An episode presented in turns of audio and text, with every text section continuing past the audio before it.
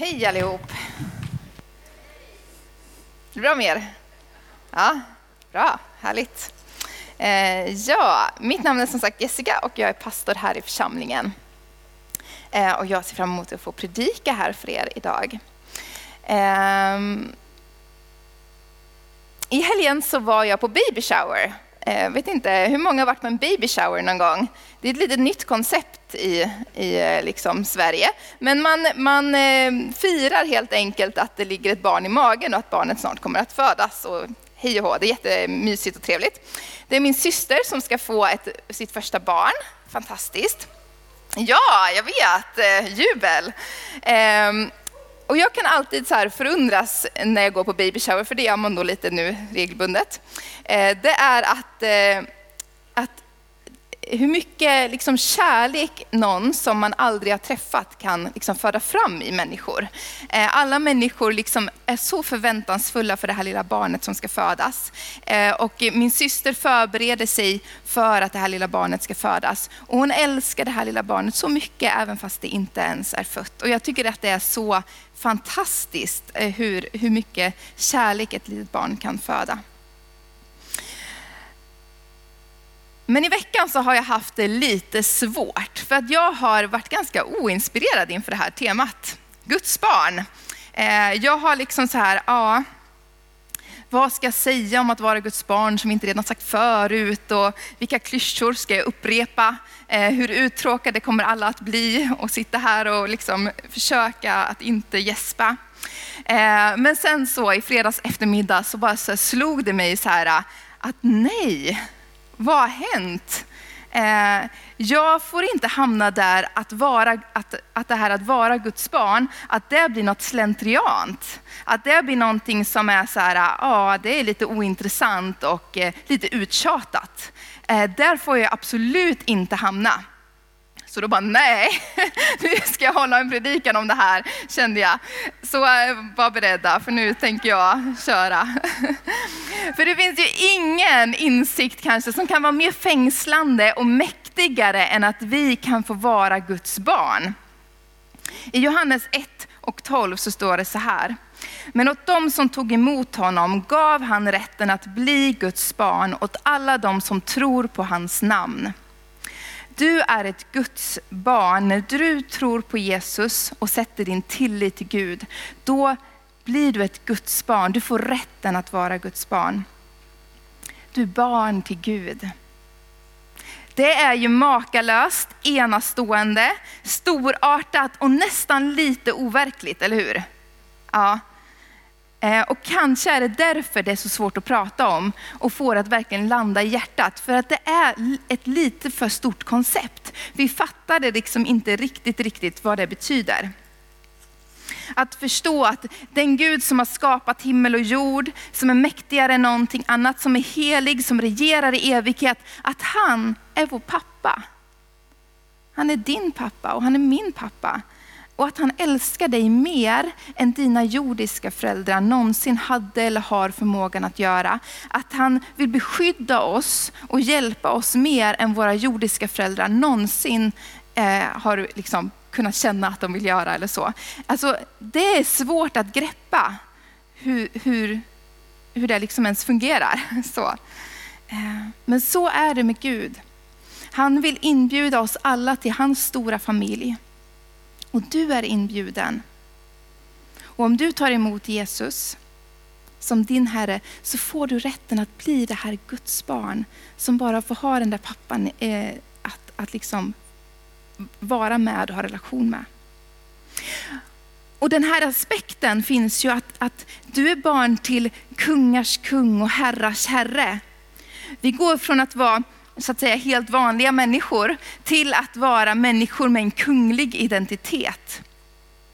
Vi är barn till den högste guden, där hela den andliga verkligheten vet om att du har en annan identitet. Du är någon annan än, än liksom den du var innan. Det finns inget slentriant med det. Och det finns inget ointressant med det. Det är en fascinerande tanke, men tror vi verkligen på det? Tror du verkligen att du är barn till Gud? och att Gud älskar dig som sitt eget barn. Tror du verkligen att du har en kunglig identitet och att i den andliga världen är du barn till ljusets fader och mörkret bävar inför dig för att du är Guds barn? Vad skulle ändras om vi verkligen trodde på det? Om vi levde som att det faktiskt var sant. Om vi levde med det som vår främsta identitet. Jag vill läsa ifrån Romarbrevet 8, 14-21. Alla som leds av ande från Gud är Guds söner. Ni har inte fått en ande som gör er till slavar så att ni måste leva i fruktan igen. Ni har fått en ande som ger söners rätt så att vi kan ropa Abba, Fader. Anden själv vittnar tillsammans med vår ande om att vi är Guds barn. Men är vi barn, då är vi också arvingar. Guds arvingar och Kristi medarvingar. Om vi delar hans lidande för att också dela hans härlighet. Jag menar att våra lidanden i denna tid ingenting betyder mot den härlighet som ska uppenbaras och bli vår. Ty skapelsen väntar otåligt på att Guds söner ska uppenbaras. Allt skapat har lagts under tomhetens välde, inte av egen vilja utan på grund av honom som vållade det. Men med hopp om att också skapelsen ska befrias ur sitt slaveri under förgängelsen och nå den frihet som Guds barn får när de förhärligas. Så vad säger den här texten i Romarbrevet om att vara Guds barn? Hur påverkar det, den saken vår identitet? Ja, först säger ju texten att den som leds av ande från Gud är Guds söner. Vi är Guds söner. Och då tänker någon, varför inte döttrar? Eller hur? Jag skulle sitta och tänka det i alla fall. Men i Paulus text, i den här texten, så vill han betona att vi är Guds söner, oavsett om vi är man eller kvinna. För på den tiden eh, var det sönerna som fick rätt att ärva och inte kvinnorna. Det var de som hade arvsrätt. Så när Paulus säger att vi alla är Guds söner så poängterar han att vi alla har arvsrätt. Vi har alla samma värde inför Gud. Eh, vi har alla fått söners rätt. Och den här texten säger att, att vi inte behöver vara rädda mer, för vi får kalla Gud Abba, fader. Abba betyder ungefär pappa. Eh, det är ett för, förtroligt ord som, eh, som man använder om sin pappa. Och eftersom Gud är vår pappa så behöver vi inte längre vara rädda. För den Gud som är den högste guden, som regerar i evighet och som är den enda som har makten över liv och död. Han är din pappa och han älskar dig. Därför behöver du inte vara rädd. Den insikten om att jag har den, den största i hela universum bakom mig, han håller min rygg. Han, hans enda önskan är att jag ska vara trygg och älskad. Insikten om det, det kan göra mig trygg. Och det förändrar hur jag vågar leva mitt liv. Jag har en son eh, som heter Jakob och han är tre år gammal. Och när man är tre år, då är ens föräldrar bäst i världen. Det är väldigt härligt. Han, han tycker det är roligast i hela världen att umgås med oss. Det är ju jättekul. Ja, eh, och jag tror eh, att Jakob tror att om bara jag och Simon är med honom, då kan han klara av allting. Han lever inte med rädsla. Det är såklart att han skulle bli rädd om en, en, hund hoppade upp eh, på honom eller att han skulle bli rädd om, om någonting läskigt plötsligt hände. Eh, men han lever inte i rädsla. Han är fullkomligt trygg att han blir omhändertagen. Han ser det som självklart att han får mat på bordet, att han har en säng att sova i och att han är älskad. Rädsla styr inte hans liv alls. Och jag tror att det är en sån trygghet som vi får känna med Gud. Att Gud är den som tar hand om oss och att det bara är självklart. Det handlar inte om att vi aldrig kommer bli rädda för saker och att vi inte får bli rädda för saker. Men det handlar om att rädslan inte får styra våra liv. Rädsla behöver inte förlama oss. Vi behöver inte vara rädda för Gud, för vi är Guds barn. Du vet, en del kan vara rädda för Gud, för att han är så stor och mäktig. Vi behöver inte vara rädda för honom, för vi är hans barn. Vi behöver inte vara rädda för djävulen, för Jesus har besegrat djävulen och vi lever i den segern som Guds barn. Och vi behöver inte vara rädda för den här världens ondska och lidande. För vi vet att den här världen bara är temporär. Och vi kommer en dag att komma till vår faders hem, där det finns många rum och där vi alla kommer få leva utan smärta och utan sorg. Och texten säger så här, men är vi Guds barn, då är vi också arvingar. Guds arvingar och Kristi medarvingar, om vi delar hans lidande för att också dela hans härlighet. Och här är en, en viktig poäng tycker jag, att vi är arvingar till Gud och Kristi medarvingar. Vad betyder det? Jo, vi ska ärva riket. Men det innebär också att vi behöver kunna dela Jesu lidande för att också dela hans härlighet. Vi är Guds barn och på den här tiden då förstod man att okej, okay, är man barn till någon, då förväntas man ta över familjeföretaget som man har. På den här tiden var det ofta så att, att eh, pappan han hade ett yrke och du som son du lärde dig pappans yrke eh, och sen så tog du över familjeföretaget så småningom liksom, och så jobbade du vidare på det. Liksom. Det är en del av att vara ett barn till någon. Så ens pappa var också oftast ens chef så, eh, och också liksom den här som man skulle ta efter. Och jag kan gilla den bilden. Vi är arvtagare, vi ska få del av riket, men vi förväntas också att vara med och bidra in i familjeföretaget. Eh, och det innebär att vi kan behöva lida som Jesus led, vi behöver följa Gud precis som Jesus följde, eh, följde sin pappa och så vidare. Men så sätter Paulus det i perspektiv. Att ja, det kommer vi behöva göra. Det är en del av att följa Jesus, det är en del av att liksom, eh, ta sitt kors och följa Jesus. Men så säger han att vårt lidande är här och nu, det spelar inte så stor roll i jämförelse med den härlighet vi kommer att få. En del i att leva utan rädsla handlar om att veta att inget lidande i den här världen är något alls i jämförelse med den härlighet vi kommer att få. Ja, vi kan lida och vi kan ha det svårt och det handlar inte om att liksom gömma undan det och inte låtsas som att det finns. För det måste vi våga ta upp och vara ärliga med att ja, livet är svårt ibland. Men vi vet att vi är på väg någon annanstans. Och där kommer vi få leva med Gud i härlighet. Och den insikten kan tas igenom de mest tuffa situationer. Vi kan leva med den här framtidsvisionen om det hem vi en dag kommer att komma hem till. Där Gud kommer torka alla tårar från våra kinder. Där ingen sorg och ingen klagan finns mer. Där det finns mat i överflöd. Det blir nice, eller hur? Mat i överflöd. Eh, där ingen sorg, eh, eh, där mörker inte finns och ingen smärta. Vi är på väg dit som Guds barn. Och det finns ingenting i den här världen som kan hindra det om vi sätter vår tillit till Jesus. Men så vad gör den här identiteten med oss, att vi är Guds barn? Ja, jag tänker att när vi verkligen förstår den och lever utifrån den, så förändrar den oss på djupet. Den förändrar vårt sätt att se på oss själva och den förändrar hur vi ser på världen. För vi är Guds barn och vi är tänkta att fortsätta arbeta på vår pappas stora arbetsprojekt. Att rädda alla människor och sprida hans rike över världen. Det är, liksom, det är vår pappas stora arbetsprojekt och vi, vi är tänkta att bidra in i det. Vi är tänkta att vara med i att jobba med det i hans stora familjeföretag som vi då är.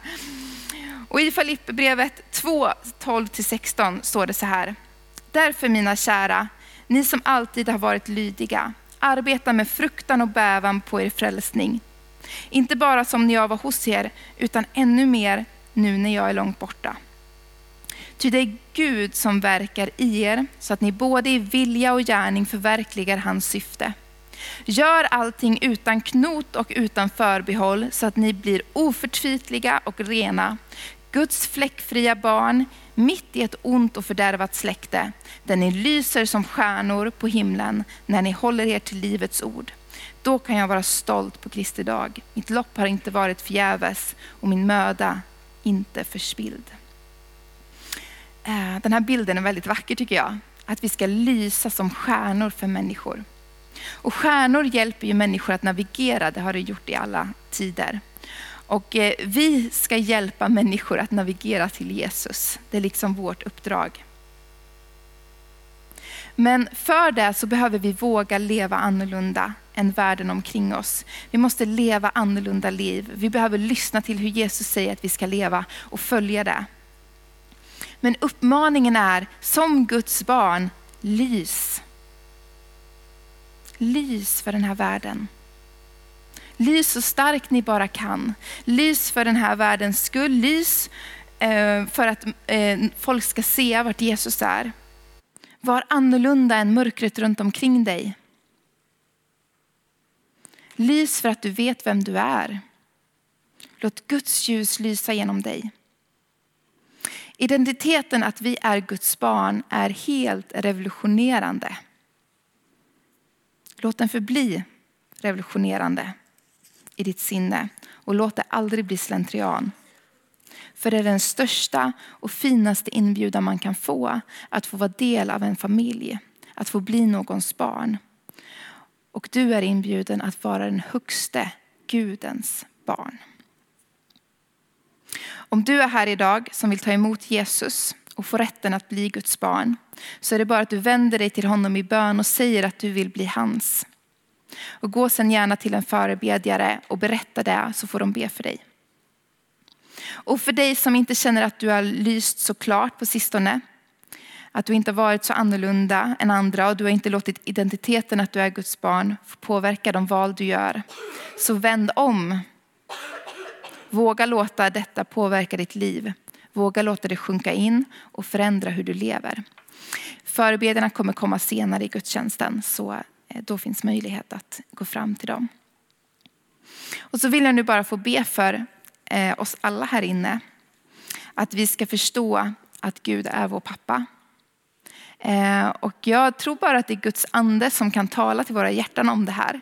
Men jag vill be att Guds ande ska tala till era hjärtan om att ni är älskade och att ni är Guds barn. Ehm, så att det liksom landar inte bara intellektuellt som en fin idé, en fin tanke, utan att det landar i ditt hjärta. Så blunda ett tag och bara liksom vara med Gud eh, och så vill jag få be för er. Mm.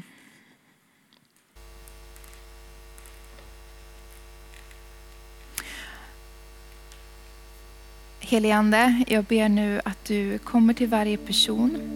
Kom till varje persons hjärta. Eh, jag ber att du eh, viskar. Viska i varje persons hjärta att eh, de är älskade utav dig. Att de är dina barn. Att de är tillhör din familj. Jesus kom och bryt ner tankemönster av att inte känna sig värdig, inte känna sig tillräckligt viktig, att inte eh, jag eh, jag får inte tillhöra som alla andra. Gud, jag ber att sådana tankar bara ska få släppa sitt grepp i Jesu namn.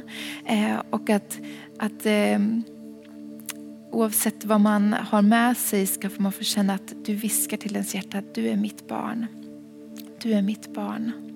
Och inga synder som du någonsin har gjort eller kommer att begå kommer kunna ändra det om du håller dig till mig. Eh, jag ber om att ingen, ingen skam ska få ligga i vägen, ingen rädsla, ingen synd ska få ligga i vägen för att någon här inne ska liksom kunna få uppleva det att de är dina, dina barn.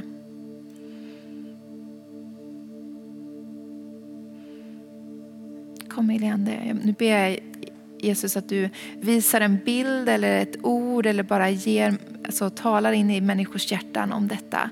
Så vi bara är tysta i några, eh, någon minut och bara lyssnar på vad Gud säger till ditt hjärta. Vad han talar till dig om.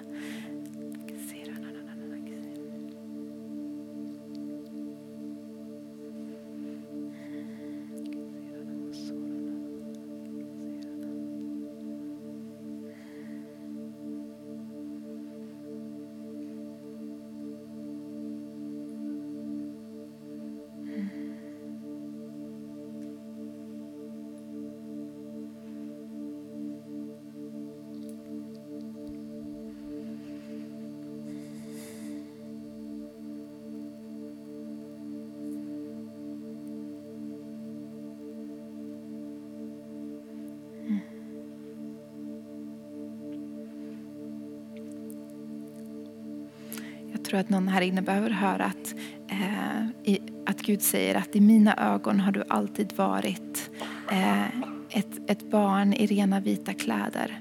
Du har inte tagit av dig de här smutsiga trasorna du bär på för att i mina ögon är du någonting annat. Du har rena vita kläder och du dansar på en äng och du är fri. Eh, så jag, jag tror bara att det är någon som behöver höra det. Eh, så jag lämnar det med er. Och nu så kommer vi att eh, vara inför Gud och sjunga lite.